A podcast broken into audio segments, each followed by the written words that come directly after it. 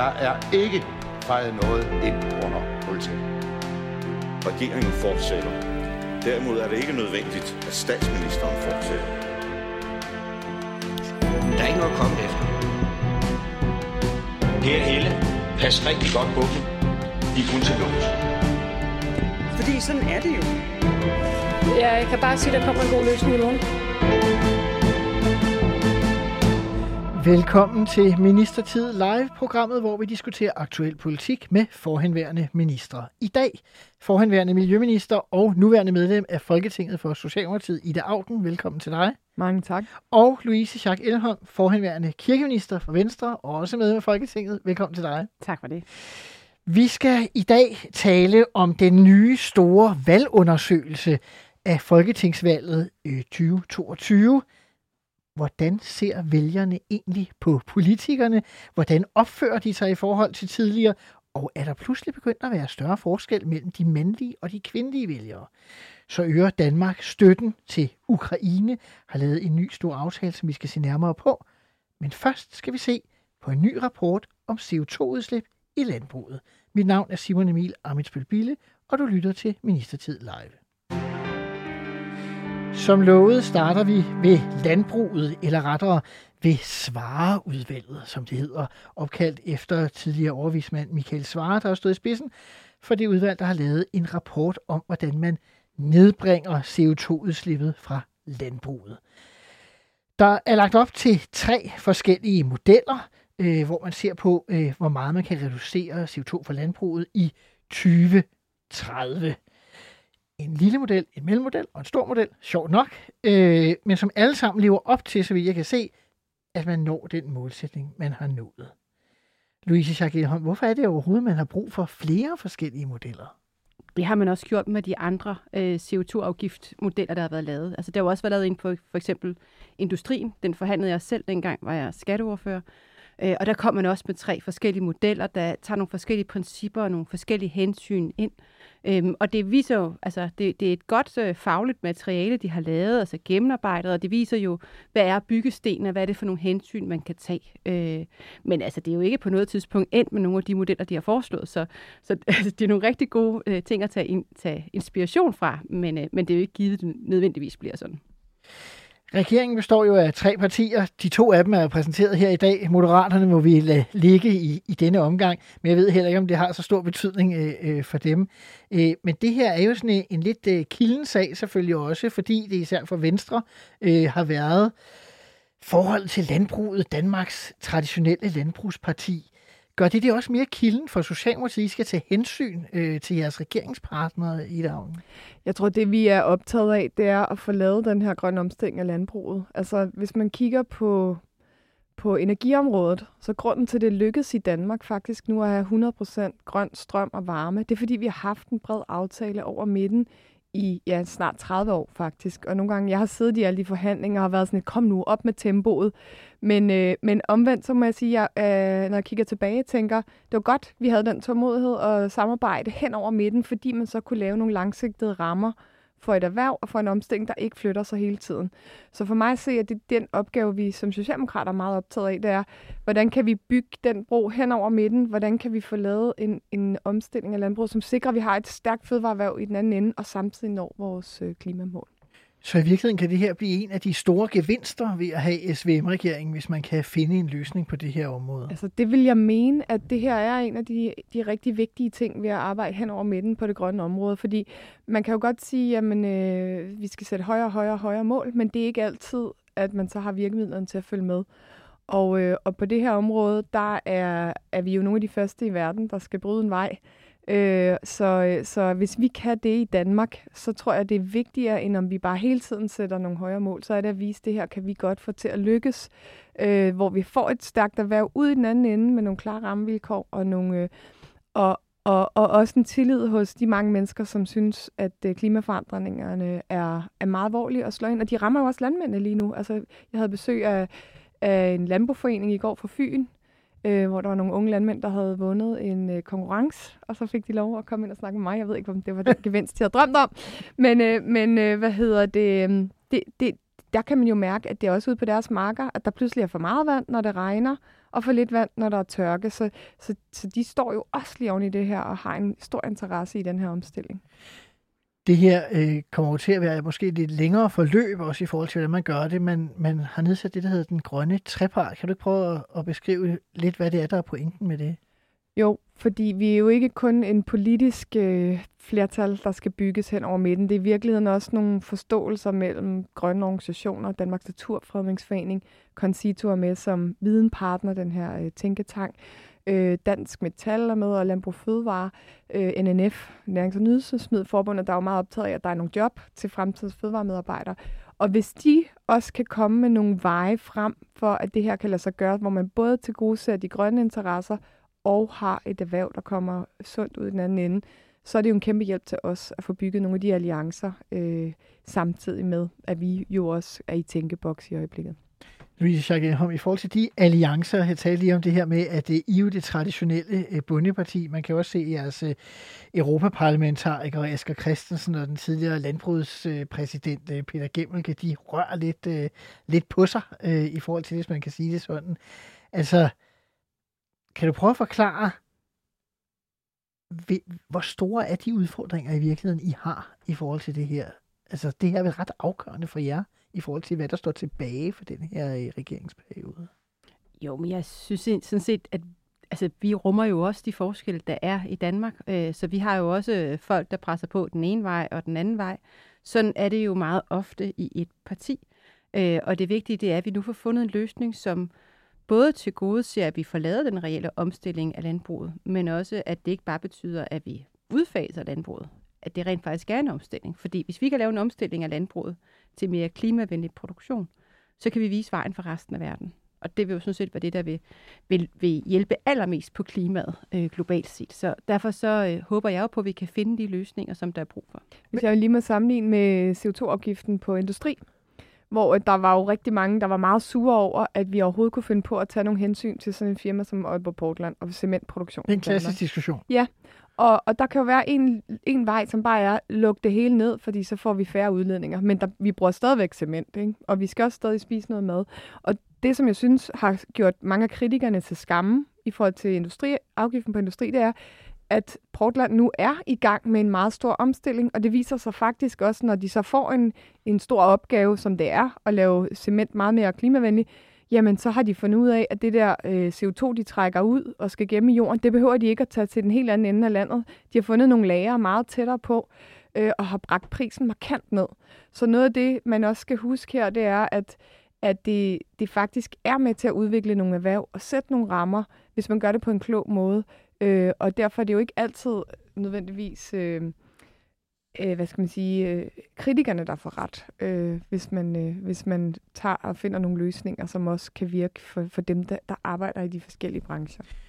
Det er sådan mere den øh, meget klimavenlige kritik. Det er måske den kritik, der vil komme sådan fra Alternativet. Der er også øh, kritikken på den anden side af, af spektret. Altså Danmarksdemokraternes Inger Støjberg har været ude at sige, at de vil slet ikke være at finde ved forhandlingsbordet i forhold til en CO2-afgift øh, for landbruget. Altså, hun prøver at tage øh, landbrugernes hjerter i virkeligheden, og, og måske stemmer for jer, Louise Schagel. Ja, ja, det er de rene hænders politik.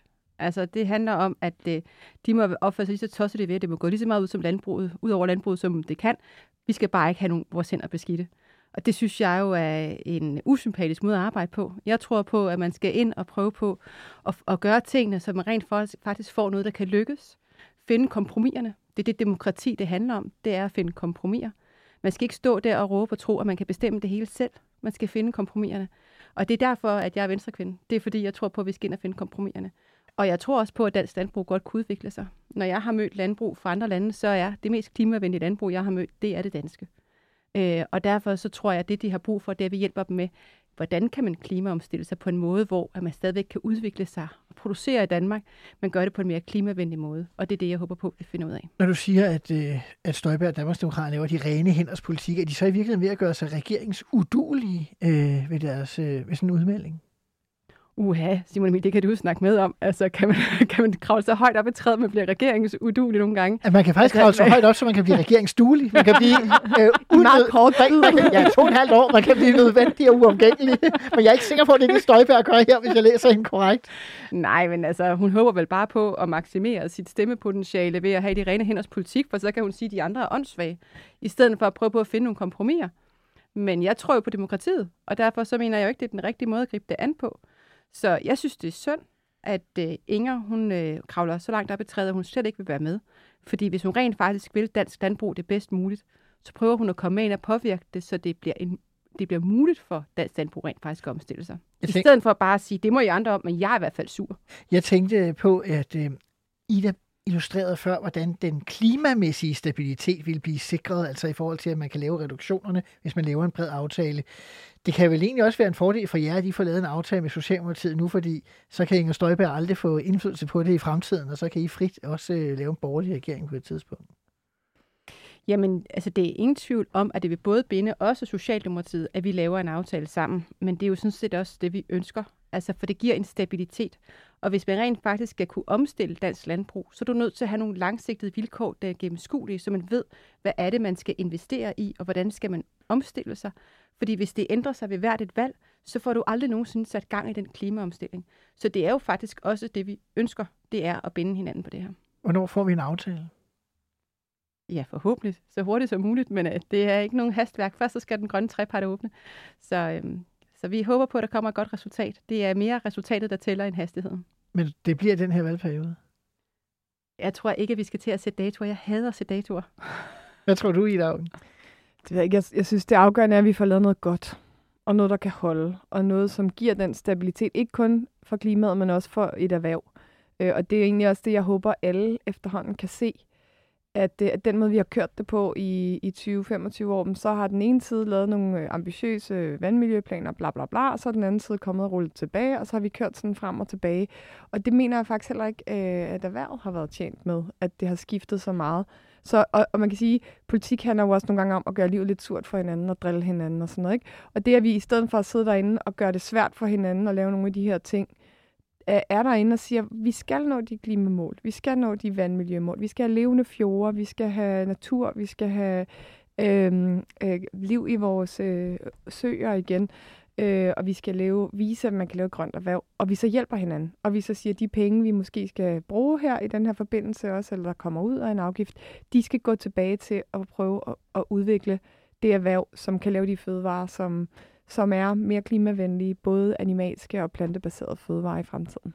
Oplevede du egentlig selv det som øh, miljøminister, at du lavede nogle aftaler, som du var virkelig glad for, fordi du synes de var grønne, og så kom øh, sådan nogle øh, forfærdelige mennesker som Louise Schack Elholm og undertegnet, og, øh, Ja. og blev en del af flertallet, og så rullede det i bagland. Man kan sige, da, øhm, da jeg var minister, så lavede jeg sammen med nu desværre afdøde fødevareminister Mette Gerskov et meget stort arbejde, der hed Natur- og Landbrugskommissionen. Og hvor vi sådan set fik alle parterne ind, lidt ligesom treparten nu faktisk, øh, om en, en aftale om, hvordan man kunne øh, give nogle flere muligheder på nogle af de robuste landbrugsjorder, og så lave lidt mindre på de sårbare jorder.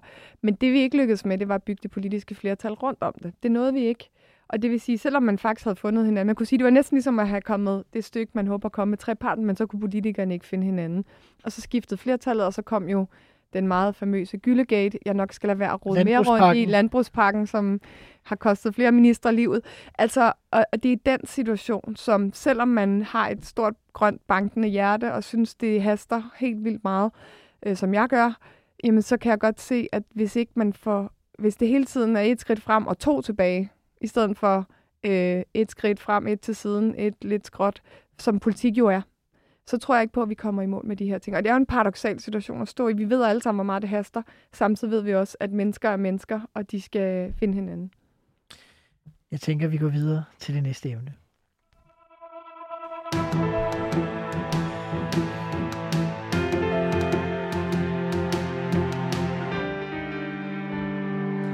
Efter hvert folketingsvalg er der en række forskere fra statskundskab på Københavns Universitet og Aarhus Universitet, som laver store undersøgelser af, hvordan har vælgerne så artet sig øh, til de valg, der er blevet afholdt. Og sådan har man selvfølgelig også gjort her i forlængelse af folketingsvalget i november 2022. I den her uge, nærmere betegnet i går, kom så den store rapport om 22-valget, og vi skal nu se nærmere på en række af de øh, konklusioner og de tal, øh, som er kommet øh, derfra. Noget af det, øh, som er interessant, det er nemlig øh, troløsheden. Altså folk skifter øh, parti i langt større grad, og de beslutter sig også øh, meget øh, senere, øh, end de gjorde øh, tidligere.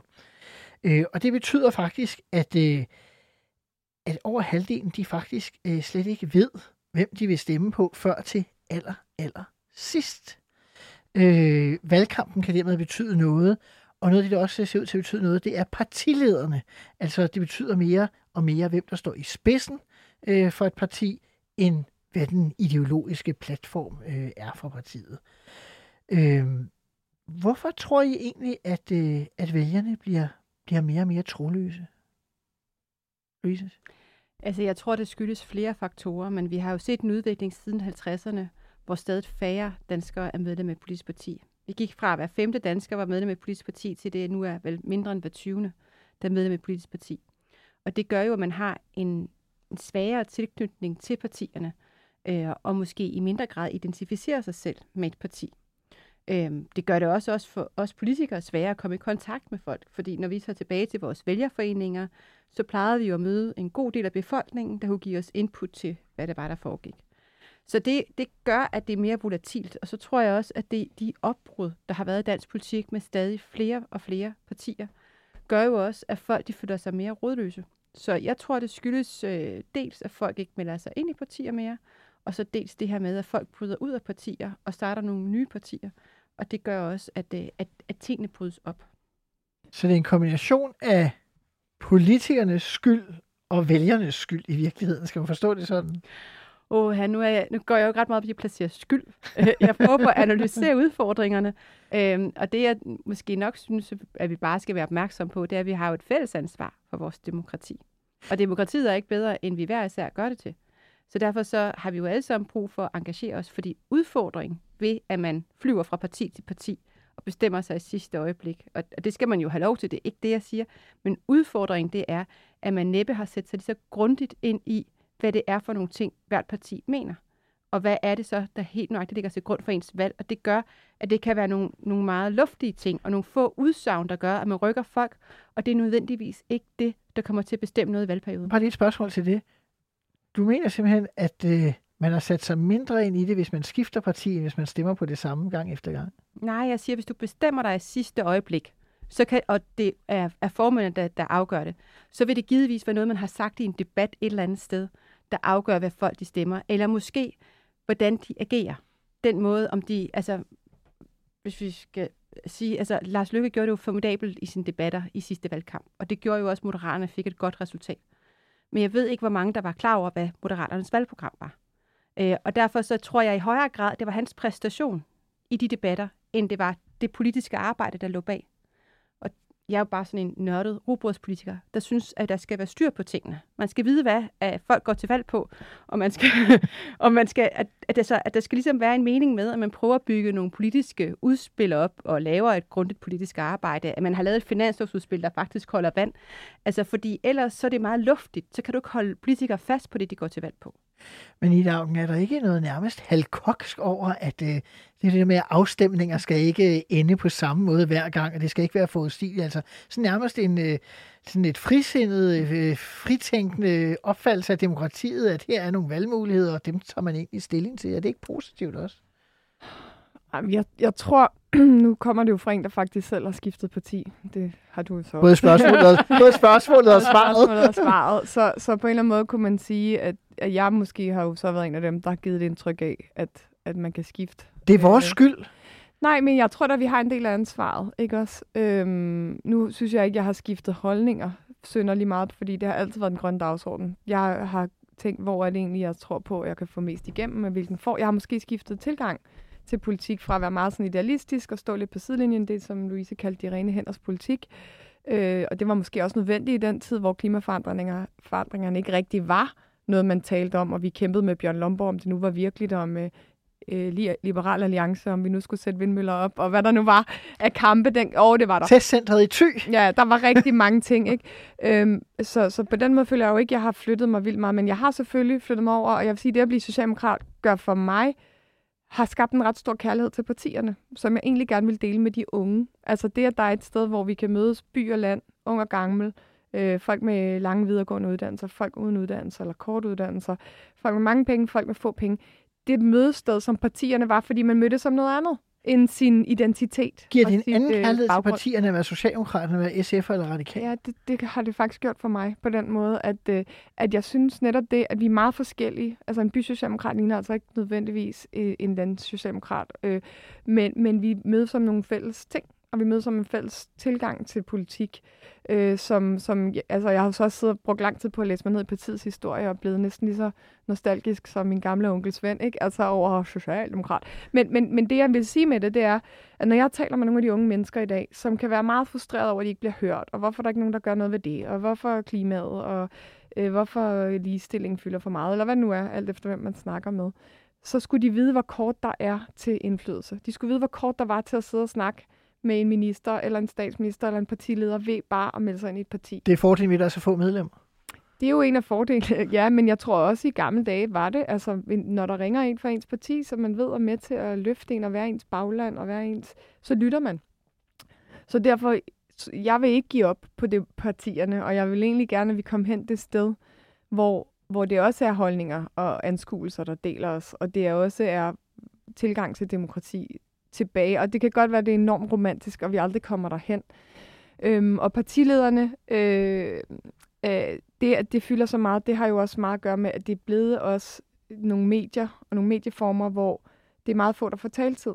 Nu igen med det Gerskov, som desværre øh, øh, vi har mistet i den her valgperiode. Men efter det her valg, der sagde hun, det var et sindssygt valg. Jeg blev kun ringet op af pressen, hvis der var et eller andet skandale, de troede, jeg havde lavet med en eller anden ting, som de kunne få mig i fedtefadet med. Altså, der var ingen, der ringede mig op for at høre mine holdninger. Så det er jo også, fordi vi har fået et mediebillede, hvor der er meget, meget få, der har taletid, og hvor man har så kort tid til at forklare sig, at de her lidt større demokratiske samtaler, der kan engagere folk, ikke får plads. Og jeg ved, bare den sidste ting, jeg vil sige, jeg var ude på en skole i forbindelse med skolevalget, på Lakurvejens skole, og der fik jeg lov at snakke med to 9. klasser. Og jeg aldrig har jeg mødt så kloge, engagerede, vidende unge mennesker med de bedste og nogle af dem også mega svære spørgsmål. Og jeg tænkte, alle jer, I de vildeste borgere, tænk hvis vi kunne få jeres kraft ind i partierne, i stedet for ind på TikTok og Sille Mauses øh, hjemmeside. Altså, tænk hvis I kunne sende alt det der energi ud nogle andre steder. Men netop det der med, at det er de steder, og det er partilederne. Altså hvis man ser på de personlige stemmetal til partilederne, så er de også langt større ved det her valg samlet set, end øh, de har været tidligere. Altså personen betyder så meget. Altså lige som du snakkede før om øh, performance for Lars Lykke for eksempel i, i partilederdebatterne. Der har været meget tale om Alex Vanopslagh på TikTok, og der kan være tredje og fjerde forklaring. Og Mette Frederiksen fik jo det flotteste valg i nyere Danmarks historie, ikke? Også personligt. Ja, og hvor, men hvorfor er det, at altså det betyder idéerne, så kan man øh, som vælger i virkeligheden næsten ligegyldigt, at man så er socialdemokrat eller konservativ eller liberal den ene dag den anden dag, hvis det er partileder Røn, der betyder mere, end det er det holdningssæt, som vedkommende står i spidsen for. Altså, og hvad betyder det for vores demokrati? Men det kan jo godt være en udfordring, fordi at partiet er meget mere end en formand. Øh, nu har jeg jo øh, oplevet ret mange forskellige formand fra mit parti efterhånden. jeg er også gammel politik, det vil jeg indrømme. Men, men altså, øh, det er jo, altså partiet har jo sådan set ikke ændret holdning specielt meget. Det synes jeg jo ikke selv. Det kan godt være, fordi jeg flyttede mig med partiet efterhånden. Men, men det er jo ikke fordi, at når der kommer en ny formand, så vi ændret politik fuldstændigt. Altså, det har jo været den samme parti, der kørt videre. Men alligevel så oplever vi, at det har en stor betydning, hvem der står i spidsen. Øh, og det er jo både i talesættelsen, det er den øh, attitude og øh, den aura, der er omkring personen, og så om folk kan lide dem og have tillid til dem. Så, så det betyder rigtig, rigtig meget. Øh, men jeg synes jo, at det er lidt synd, fordi det er jo ikke, altså det, er jo ikke det, som der kommer ud i sidste ende, når vi, vi skal igennem en valgperiode. Der er det jo partiprogrammet. Der er jo det, vi er gået til valg på. Det arbejde, der ligger bag, som er det, vi prøver på at få gennemført. Øh, og, og derfor så, hvis du kun kigger på, hvad aura de har, og hvor godt de performer, jamen så tager du faktisk stilling til noget andet, end det, det kommer til at handle om i sidste ende. Og, og der er sådan lidt en diskrepans efter min nu, mening. Nu ved jeg ikke, hvordan... Øh, nu har jeg ikke læst øh, i dybden i den undersøgelse, men jeg kan huske, at vi mødtes med Martin Wienes, som er en af de her forskere, måske er han med også, ikke? han var i hvert fald med til at kommentere på den. Og han pegede på, at aldrig havde man set et parti tabe så meget i en valgkamp, som konservativ gjorde fra starten af valget til slutningen af valget. Og noget, der var... Ej, de stod til at få, øh, hvad ja. ved jeg, over 20 altså, det er vist aldrig set noget, så stort ja, ja. et tab fra den start til slut. Og jeg vil sige, det der, jeg tror, der var på spil her, det var, at folk kunne godt lide Søren Pape, men de kunne faktisk ikke lide konservativs politik. De anede måske ikke, hvad det de var. De vidste ikke, hvad det var, og da de så var så øh, dumdristige at spille deres politik ud, god konservativ politik, skær 18 milliarder i den offentlige sektor, hvad det nu var, så gys, det, det var folk faktisk ikke klar over. Og nu snakker mange jo om Alex Vanopslag, øh, og det kunne være spændende at spørge dig, Simon Emil. Jeg ved ikke, om du vil kommentere. Du plejer ikke at holde dig fra at kommentere for dit gamle parti. Men, men man kan jo godt sådan, egentlig have lidt samme fornemmelse af, at når man læser LA's øh, politik om, hvad der skal ske i den offentlige sektor, så er det ikke vanvittigt langt fra, hvad Søren Pape han gjorde, øh, og han mente at spille ud. Så, så det er jo ikke altid nok bare at have en karismatisk partiformand. På et tidspunkt kommer politikken også frem, og den kan i hvert fald blive et problem, hvis øh, befolkningen faktisk stadigvæk er lidt på men det er jo, doktrinen. Men det er jo faktisk en interessant ting, om det var politikken, der betød noget for Søren Papes øh, nederlag, eller det var hans øh, personlige derute og, ja. og beskrivelse af hans privatliv i virkeligheden. Fordi hvis folk stemmer på en karismatisk person, så er det vel i virkeligheden værre, at der sker noget om dine ja. personlige forhold, fordi folk tager måske slet ikke stilling til, hvad for en skattepolitik, eller hvad for en beskæftigelsespolitik eller miljøpolitik, du fører. Altså, ja, det, det kan godt være et argument, med. som man kunne indvende over for det, jeg siger. Jeg tror, det var en kombination. Aha. Altså, jeg tror, der kom jo en masse pres på hans person, som der ikke havde været før. Øh, og der kommer også ja, de her sager som, øh, om ham. Men der kommer også et kæmpe politisk pres på, hvad de faktisk stod for indholdsmæssigt. Ikke? Og det, det, det, der er jo nogen, der er lidt sure over, at vi går til LA i øjeblikket. Øh, det synes de er meget fornærmende, at vi kan finde på faktisk at tage dem alvorligt og sige, hvad, hvad, hvad har det af konsekvenser, hvis man vil skære 10 procent væk af den offentlige sektor i en periode, hvor vi får mange flere ældre øh, og børn. Jamen, det har en konsekvens. Ikke også? Og, og det, det er jo ikke så rart, hvis man helst bare vil være en popularitetskonkurrence. Men det, det kan jo blive spændende at se i hvert fald, om, om det får en betydning. Jeg kan jo dog sige, at vi havde jo i hvert fald tidligere den erfaring op til 2011-valget, hvor man også fik en uh, pæn fremgang, at det betød ikke så meget, at folk talte om, altså negativt, at folk talte om vores politik. Mm. Uh, fordi det, det mere betød noget, det var, at det gik de konservative dårligt. Ja, og, de, de, og alle de konservative vælgere, de skulle have et andet sted at stemme, og så øh, dengang så Anders Samuelsen så øh, øh, tilforladelig ud, og så stemte de så varmt. Altså apropos det her med mm. de partiledere, der, der betyder rigtig meget. Øh, vi må jo se, øh, hvordan det går. Det var 53 procent af vælgerne, der satte deres kryds et andet sted i 22, end det var i 2019-valget. Det er det højeste i den tid, man egentlig har registreret de her vælgervandringer, og altså mere end jordskredsvalget tilbage i 1973. Så, og det ser ud som, udviklingen er den, at det bare stiger fra valg til valg. Hvis vi prøver at gå hen på øh, noget af det mere konkrete, øh, der også er, så er noget af det, der øh, er lidt interessant, det er, at der er en række spørgsmål, hvor at vælgerne er blevet spurgt om, også hvad de øh, mener. Øh, og blandt andet så kan man se, at vælgerne, øh, især mænd, er rimelig trætte af politisk korrekthed, af MeToo, øh, ligestilling er også udfordret, når man ser på unge mænd. Ser man på yngre kvinder, så synes de jo lidt det modsatte, nemlig at øh, det er godt øh, med MeToo og med ligestilling osv.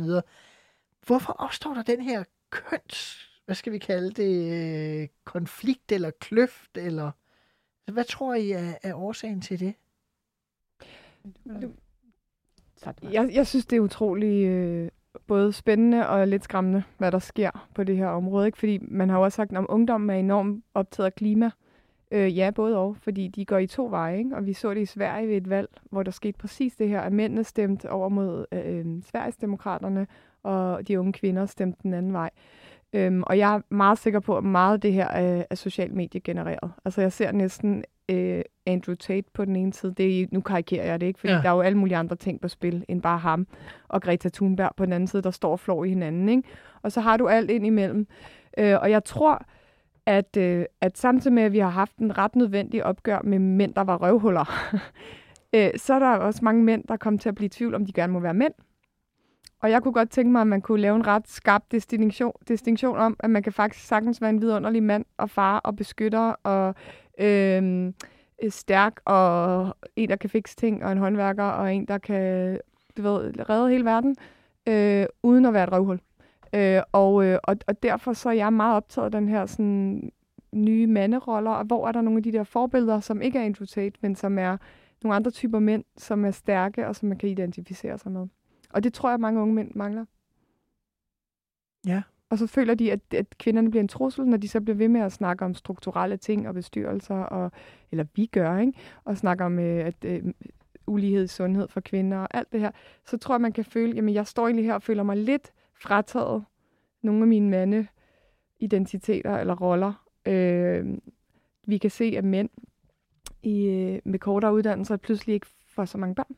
Altså før i tiden var det faktisk dem, der fik flest børn. Nu er det mændene i toppen. Og det har at gøre med en meget strukturel ting, nemlig at øh, kvinder, øh, to ting, de gifter sig opad i uddannelsesmæssigt, og de uddanner sig længere end Så i sidste er der ikke nogen? Så hvis du lægger det sammen, jamen jeg synes, at hvis du, nu var jeg på, i Island med ligestillingsudvalget og se på ligestilling, og det var enormt spændende, og bestyrelser og op og ned, men da jeg kom ind på universitetet, og den var 70-30 i kvindernes favør, og jeg spurgte rektoren, hvad, hvad med ligestillingen for mændene? Er det her ikke et, et problem? Så havde de ingen svar. Og, og det vil sige, for mænd er ligestilling, mange hører ikke, at det også handler om dem. Tallene viser, at hver femte mand mellem 18 og 34 mener, at ligestilling er gået for langt.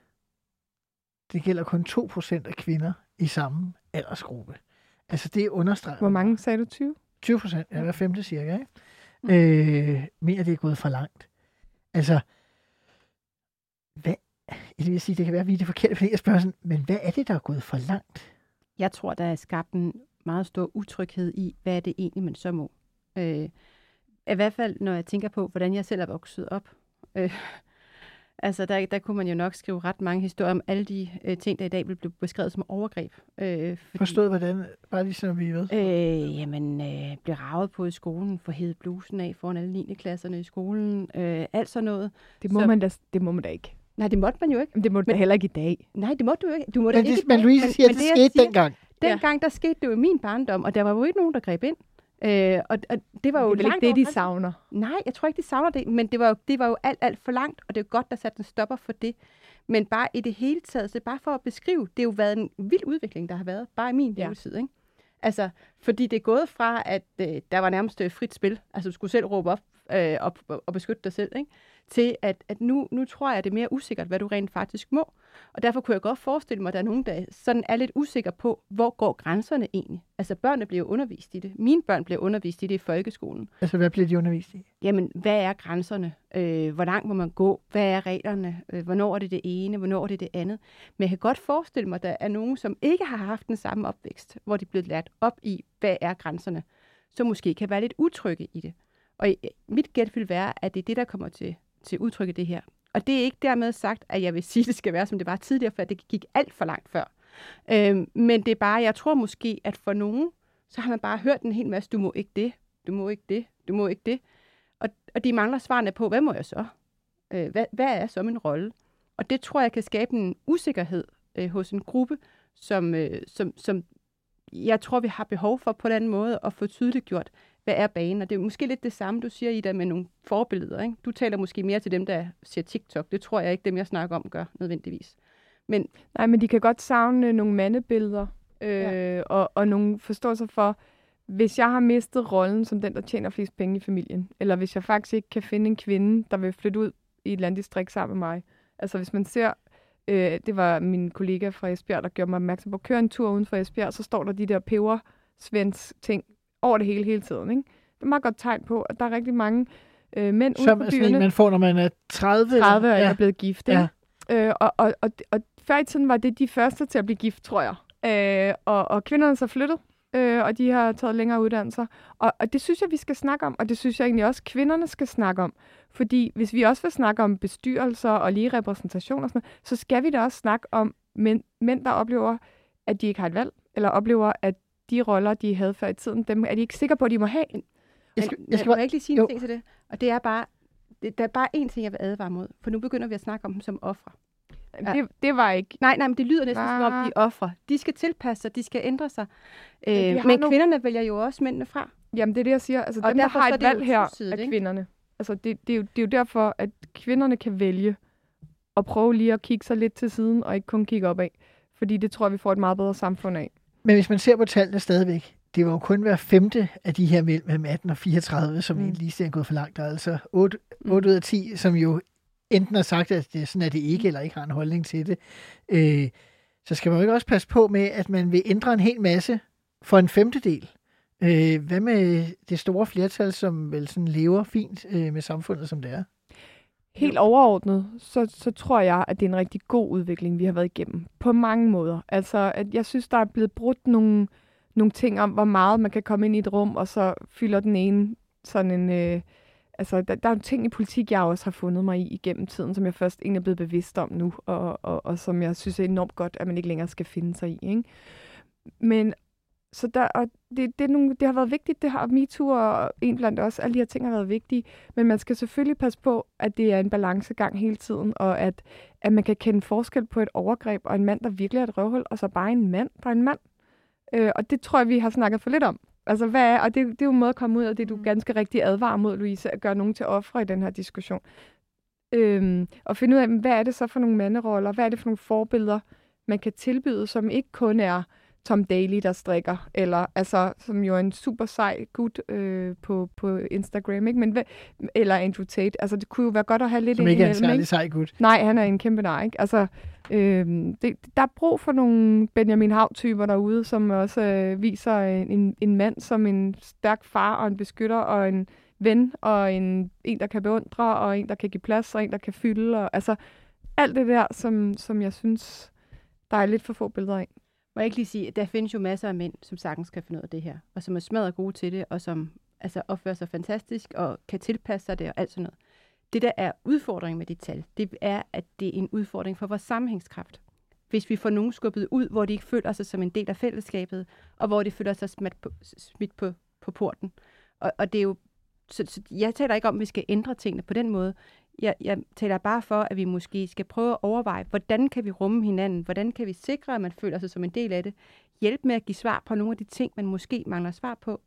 Og så har vi en strukturel udfordring med, at når kvinderne bliver mere veluddannet, så finder de typisk ikke nogen mænd, fordi der ikke er nok Og mænd. man kan sige, Så derfor vi er nødt til, rent hvis vi vil fortsætte med at have en befolkningsudvikling i Danmark, der er positiv, så, så har vi sådan set brug for, at vi finder vi nogle gange så finder vil jeg tillade mig endnu et lille reklameindslag for SMV. Det er der ikke så mange, der gør, så det tillader jeg mig. Men man kan sige, en af de, de Det opgaver... er svært andet i den her konstellation. Jeg advarer lige, nu kommer der en reklame. øh, Og det er jo public så her- service jeg har uden reklamer det her. Nej, altså hvis vi ser på øh, det, vi prøver at kigge på på uddannelsessystemet.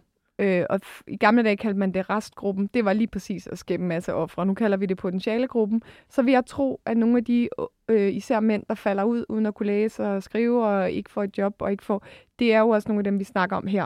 Som egentlig oplever, at der ikke er mange muligheder for dem til at være dem, de gerne vil være, til at se, hvor deres plads er i fremtiden, til at blive gift, til en masse ting. Øhm, og, øh, og, og det er jo også svært at begå sig i et samfund, hvis man for eksempel ikke kan læse og, og regne og skrive. Og det er simpelthen svært i et moderne samfund. Så det, at vi prøver at lave uddannelsessystemet om til at sørge for, at alle de andre talenter, du har, med hænderne, med hovedet, med kroppen, med øh, opfindsomhed, med alt muligt andet, hvordan kan det blive dyrket i folkeskolen, i mere praktiske fag? fag? Hvordan kan vi sørge for, at erhvervsuddannelserne får mere værdighed? De er jo en ekstremt vigtig del af den grønne omstilling. Øh, og, og det kræver jo også, at man tør tage fat på nogle af universiteterne. Øhm, og, og det er der ikke altid så meget forståelse for. Så det er jo også, den anden side skal også kunne dele lidt. Nu er det måske lidt øh, bemærkelsesværdigt, det er mig som manden i studiet, der siger det her, men handler det ikke også lidt om, at øh, for få år siden, eller få årtier siden, så kunne drenge, mænd opføre sig nogenlunde, hvordan de havde lyst til. Det skulle nok gå dem godt i samfundet, fordi at alle kvinder var afhængige af at få en mand. Øh, sådan er det ikke længere, og nu er der en gruppe af mænd, som er nødt til at erkende, at de også er nødt til at opføre sig på en måde, så nogen synes, de er interessante og rare at være sammen med. Jeg tror, jeg tror ikke, det er helt så sort-hvidt, som du sætter det der. Altså, jeg tror også, der er for eksempel en geografisk forskel, altså, som, som I det også var inde på tidligere. Altså, det vi kan se, det er jo, jo mange af de her mænd, de bliver tilbage i provinsen, mens kvinderne flytter til storbyerne mm-hmm. og får en uddannelse. Og ergo, så mødes de bare ikke.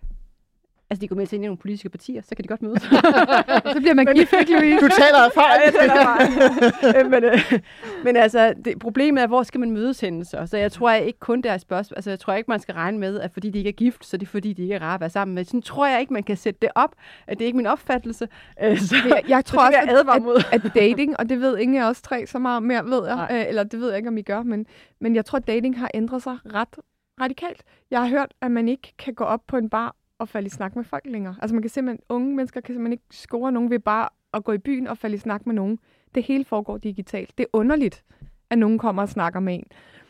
Øhm, og, og dels så vil jeg nødig leve i den verden. Altså, jeg skulle da helt sikkert scores. Altså, det, jeg sad der og ventede på, at der var en eller anden, der havde nå, til at vise, at han var en rigtig mand. Ikke? Altså, så, så det kan godt være, at jeg ville have haft det svært i den her tid. Men, men jeg tror også, det betyder, at der er nogle mennesker, som ikke giver hinanden en chance, vil bare møde hinanden, før de har siddet og kigget hinandens papirer igennem. Hov, hov, er du lidt... Øh, altså for eksempel at skrive på dating, hvis man er ordblind, det giver store problemer. Øh, I stedet for, at du møder det her menneske, som bare kan det hele, og er super sjov og helt fantastisk, og så siden, når de skriver sms'er, skriver som Carsten Lauritsen, ikke? Er det ikke, vi plejer at lave grin? Nå, det, det her emne løb måske uh, lidt ud af en tangent, men det skal der også Det være skal plads det jo. til, når der er direkte radio. Jeg kan sige til lytterne, at uh, om ikke så længe, så kommer der en uh, udsendelse af Ministertid, hvor jeg har Kasper Møller Hansen, en af forfatterne, uh, bag undersøgelsen i studiet, hvor vi dykker ned i rigtig mange af de her tal. Jeg tænker, at vi skal til at komme videre til dagens sidste emne. Det er nemlig Ukraine. Det er sådan, at øh, man har øh, nu lavet en, øh, jeg kom lige til at lukke ned to sekunder, man har lavet en ny aftale i forhold til samarbejde mellem Danmark og Ukraine, øh, hvor Danmark lover i en 10-årig periode at øh, stå last og bræst med ukrainerne og støtte deres øh, krig øh, mod Rusland. Vi må så håbe, den ikke kommer til at, at vare så længe. Øh, I dag, hvorfor er det så vigtigt, at vi bliver ved med at, at poppe penge øh, i ukrainerne? Det er jo helt afgørende, at Putin ved, at vi ikke ryster på hånden. At han ved, at der står lige bag Ukraine, står øh, NATO-landene, står de europæiske lande, øh, og vi, vi kommer til at være forpligtet. Og derfor er en 10-årsaftale jo et meget tydeligt signal at sende fra dansk side til øh, Rusland, men jo lige så meget til de andre europæiske lande om, hvor vigtigt det her er. Og der har vi jo taget et ret afgørende lederskab fra dansk side i den her øh, sag. Øh, og det bliver også anerkendt. Vi er Ukraines fjerde største donor. Det er ret vildt.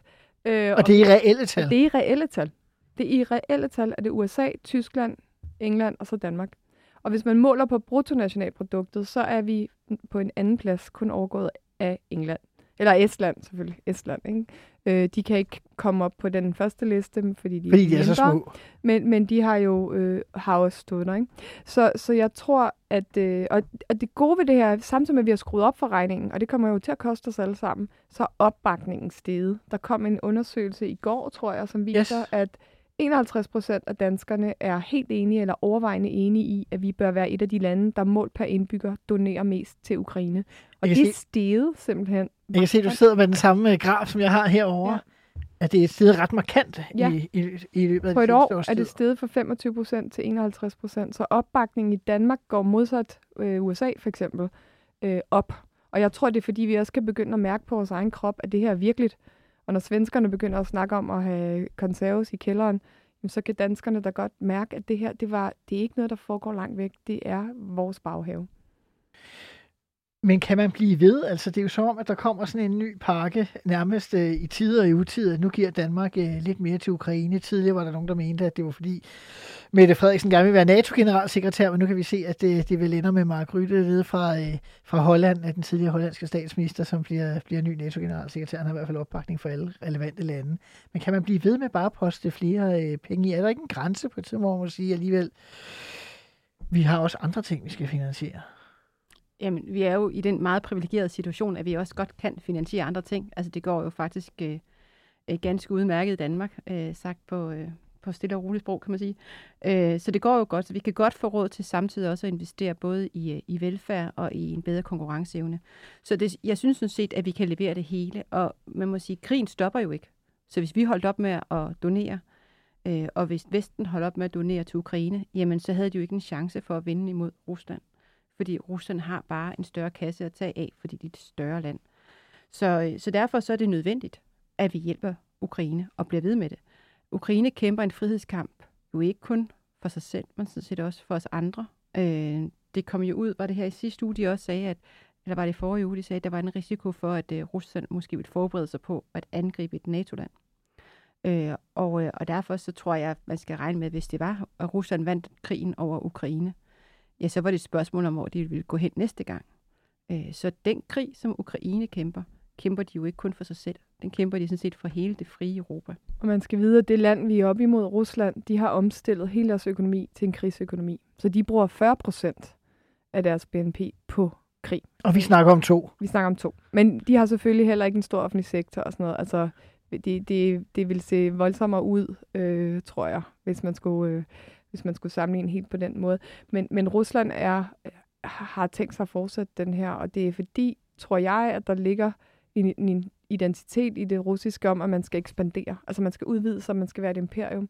Øh, og så, så er der også noget indrigspolitisk, at man slipper for at forholde sig til, hvor miserabelt mange har, har det i Rusland, så længe man er i gang med en krig udadtil. Så der, og Putin siger det jo eksplicit. Han, jeg tror, man skal tage ham lidt ligesom Trump. Altså på en måde skal man tro på det, de siger. Er det det, de har tænkt sig at gøre? Men jeg synes, tænker, hvor vi måske har en tendens til at tænke, det er godt nok vanvittigt at komme ud af munden på dem, så det kan ikke ja. være rigtigt. Ja, jeg tror, at man skal tage dem på ordet. Øh, der er nogle ting, som hvis man kigger på, det, på den økonomiske del af, af, af sanktioner og andet, der har ramt Rusland, så kommer de til at mangle likviditet, hører jeg. Altså, de, der er en del af deres penge, der er bundet forskellige steder, som de ikke kan få fat på.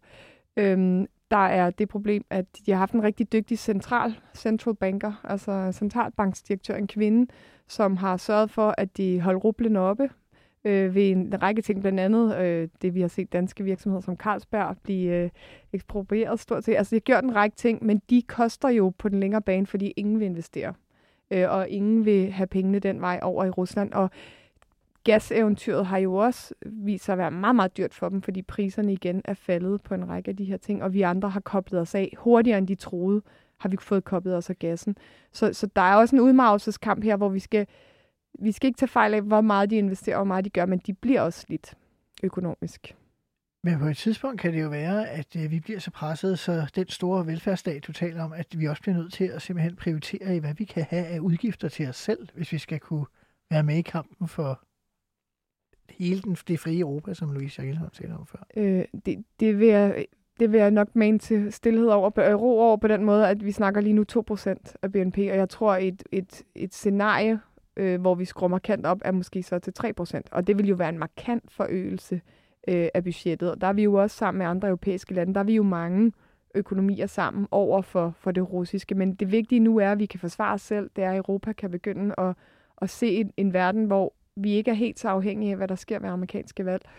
Øh, og og det er det spor, vi går ned Jeg tror ikke, man skal begynde at skræmme danskerne og sige, så kommer det til at koste alt muligt i, i velfærden. Det er, som Louise siger, går det sådan set rigtig godt i dansk økonomi i øjeblikket. Jeg tror ikke, vores 2030-plan med over 30 milliarder mere i, til den offentlige velfærd bliver, bliver udfordret af det her endnu. Ja, så skal det være, fordi vi ender i noget, der minder om en reel konfrontation. Så, må, så er det jo en anden tid, vi lever i.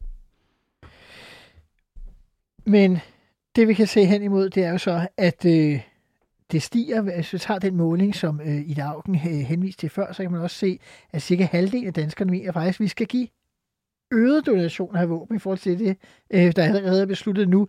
Og når man siger halvdelen, så det er ikke så mange, men der er altså kun en fjerdedel, der er imod, så der er langt flere, der er for, end, end der er imod. Så der er jo nærmest også et politisk pres fra vælgerne, på den undersøgelse, vi talte om før, for at man skal blive, øh, blive ved og styrke det endnu mere. Altså, kan man overhovedet til altså, kan man overhovedet overleve som regering, hvis ikke man fortsætter med at skrue op?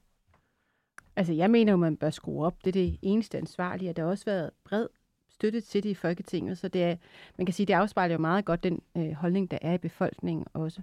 Så jo, man skal blive ved med at skrue op, uanset hvad. Øh, det skal man. Og, øh, og man skal hele tiden stå last og bræst med Ukraine, og derfor er det godt, at vi nu har lovet at lovet støtte i 10 år, fordi at, at de skal også være sikre på, at der er nogen, der, der hjælper dem på vejen. Øh, men der er jo heller ikke nogen tvivl om, at vi står i noget andet scenarie, end vi gjorde for 10 år siden, hvor vi blev ved med at skære ned på, på forsvaret.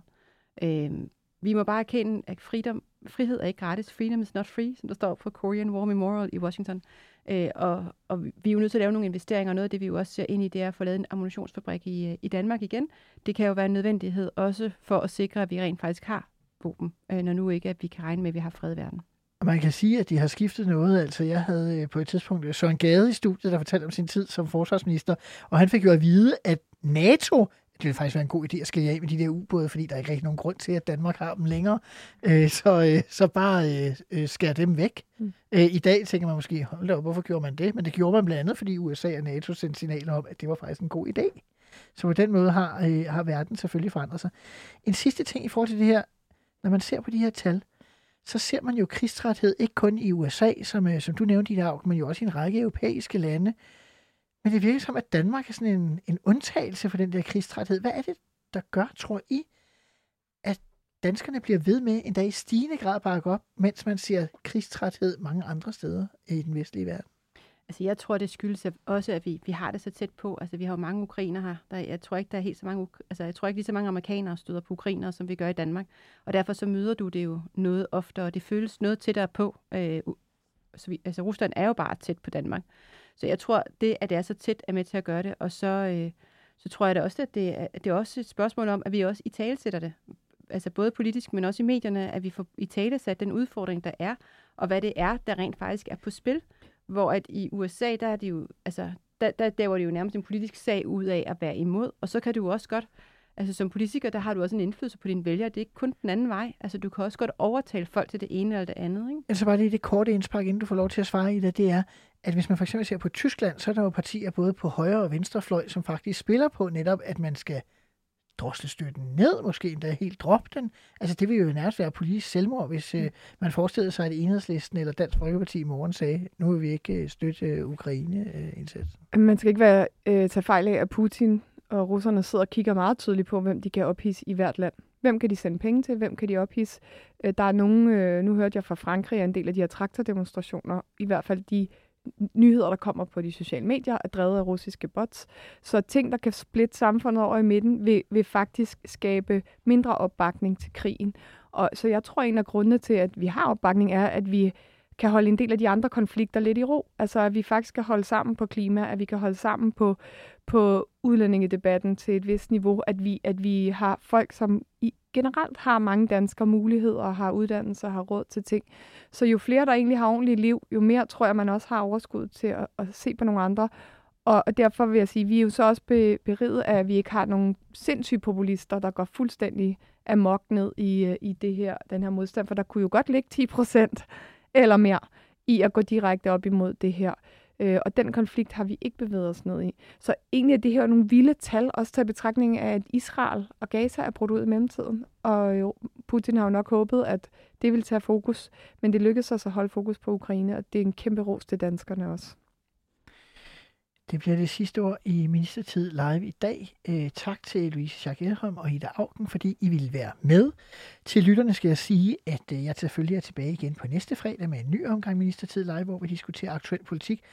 Og så er jeg tilbage også på søndag med en specialudgave af Ministertid, hvor jeg har historiker Bo Lidegaard i studiet til en time om statsminister Jens Otto Krav. Og det bliver faktisk en øh, meget interessant øh, udsendelse. Han fortæller blandt andet om, hvordan han i 1965 forsøgte at lave en bred regering over midten, men Venstre var for snu til at lade sig lokke ind i en socialdemokratisk regering. Han fortæller også om at det er en myte, at Anker Jørgensen blev overrasket over, at han skulle være statsminister i oktober 1972. Det havde de to talt om i forvejen, men at Anker godt kunne lide at bære ved til den myte. Og endelig laver han måske en lidt farlig sammenligning mellem de realpolitiske, realpolitiske øh, politikere på Christiansborg og de unge idealister, når man ser på nutidens krig med Israel og Gaza, og datidens krig med USA og Vietnam. Det og meget mere i ministertid om Jens Otto Krav med Bo Lidegaard på søndag. Tak for i dag og på genhør.